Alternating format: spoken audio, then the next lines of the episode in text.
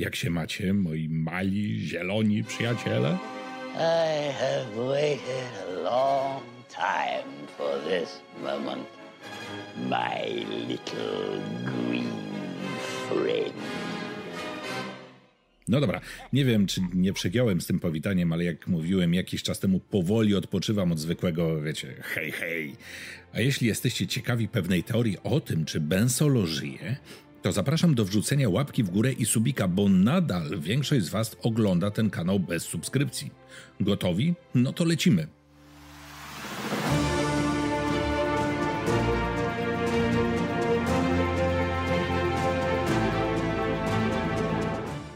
Ben Solo, czyli Kylo Ren, to syn Lei i Hana i jest jedną z ciekawszych postaci w sequelach Star Wars. Bardzo szybko zdajemy sobie sprawę, że jest nie tylko groźnym użytkownikiem ciemnej strony mocy, ale przede wszystkim zagubionym młodym człowiekiem, takim trochę, wiecie, nastolatkiem w skórze trzydziestolatka, który usilnie próbuje dorównać legendzie, której się dorównać nie da, czyli legendzie Dartha Vadera i jego własnego dziadka. Przy okazji sequeli dowiadujemy się też o diadzie mocy. Tak szybciutko przypominając, diada mocy to niezwykle rzadkie i zarazem potężne zjawisko. Objawia się w więzi dwóch istot czułych na moc, które zarazem wzmacniają się i stanowią tak jakby jedność w mocy. Oznacza to, że stają przed nimi otworem możliwości, do których żaden Jedi ani Sith nie ma dostępu. Osobników złączonych diadą mocy wyróżniało kilka specyficznych cech. Ich połączenia telepatyczne były najsilniejsze z możliwych, tak zaawansowane, że mogli wchodzić w interakcje, a nawet toczyć pojedynki na miecze świetlne, pomimo przebywania w różnych miejscach. Jednakże widywali wtedy wyłącznie siebie, nie otoczenie drugiego z nich. W trakcie walki między diadą mocy przedmioty znajdujące się w otoczeniu jednego mogły się teleportować do otoczenia drugiego. Zespolone w ten sposób osoby cechowały się podobną potęgą w mocy. Kiedy jeden z nich rósł w siłę, drugi szybko mu dorównywał. Między innymi właśnie dzięki byciu zespolonym z Benem Solo, Rey posiadała potencjał w mocy na poziomie Skywalkerów, choć oczywiście nie pochodziła, wiecie, biologicznie z tego rodu. To przypomnienie było konieczne, abyśmy mogli lepiej wgryźć się w teorię, o której jest ten film, czyli że Ben Solo żyje. Otóż on żyje w Rey. Jeszcze w kinie wydało mi się dziwne, że Ben Solo nie pojawił się na koniec filmu jako duch mocy. Znaczy, rozumiem, że pojawienie się Luka i Lei w bieli to miał być taki ostry przekaz, że Rey jest Skywalkerem, ale wydaje mi się, że stojący obok matki Ben Solo by tego przekazu nie zniszczył. Duch nie pojawił się, dlatego że tak naprawdę Ben Solo żyje. Żyje w Rey. I już wyjaśniam, jak to możliwe. Jak widzimy w końcówce filmu Skywalker Odrodzenie, Ben Solo po jasnej stronie mocy ożywia Rey. Można uznać, że ożywienie to taka jakby ekstremalna forma leczenia mocą.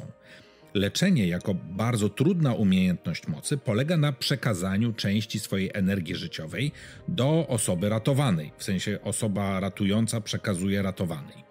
Czyli można uznać, że aby ożywić Rey, Ben przekazał jej całą swoją energię życiową i od tej pory Kylo, czyli Ben, żyje w niej.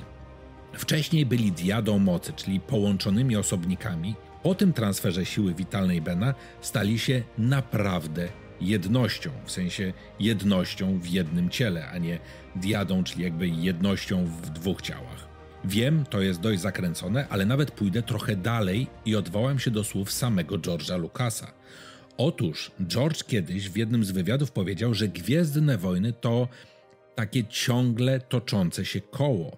Dlatego no, pewne rzeczy się powtarzają. Stąd zapewne wynika podobieństwo w konstrukcji epizodów pierwszego, czwartego i siódmego. No, jest jakaś tam istota na pustyni, która odnajduje w sobie moc, szkoli się, a potem pomaga rozwalić jakiś tam statek przeciwnika czy stację bojową. No, w każdym razie jakiś bardzo duży, bardzo groźny pojazd przeciwnika. A co jeśli historia jeszcze raz zatoczy koło? Może się okazać, że w nadchodzącym filmie opowiadającym dalsze losy Rey, no a wiemy, że na tę chwilę taki jest w planach, Rey będzie w ciąży albo już będzie miała urodzone dziecko, które okaże się potomkiem Bena Solo. Wiecie, takim małym Benem Solo. I opowieść zatoczy krąg, tak jak Anakin Skywalker, dziadek Bena Solo, którego on sam tak podziwiał, był dzieckiem zrodzonym z mocy – Tak i dziecko Rey będzie dzieckiem zrodzonym z mocy, za sprawą właśnie Diady Mocy i Bena Solo, a sama Rey stanie się trochę jak Shmi Skywalker, która kiedyś jakiemuś mistrzowi Jedi, który przybędzie, powie, że nie było ojca. Przyznacie, że byłoby ciekawie i w ten sposób za pomocą Diady wreszcie można by spełnić słowa Palpatina. Moc jest tak silna, że potrafi tworzyć życie. He could use the force to influence the midi-chlorians to create life. Tym samym spełniło się marzenie Anakina, ale dopiero w jego wnuku. Osiągnął taką potęgę mocy dzięki diadzie z Rey, że nauczył się tworzyć życie. W ten sposób Kylo Ren dokończył to, co zaczął Vader i o czym mówi wprost, że chce dokończyć to, co Vader zaczął jeszcze w epizodzie siódmym.